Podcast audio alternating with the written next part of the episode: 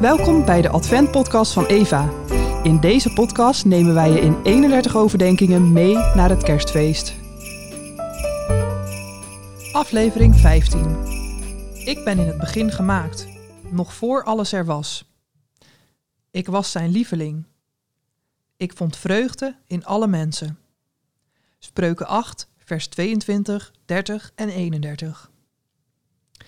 Niemand kiest ervoor om geboren te worden. En iedereen kan zich daar wel eens om beklagen. Had ik maar andere ouders? Als ik andere genen had?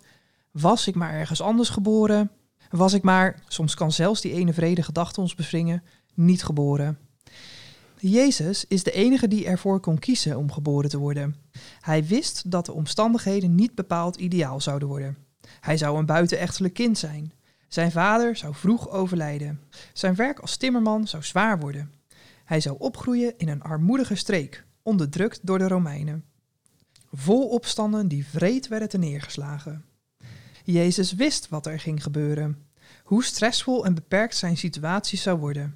Hij is de enige die op tijd ja of nee kon zeggen tegen het leven. Een leven inclusief alle ellende. En hij zei ja.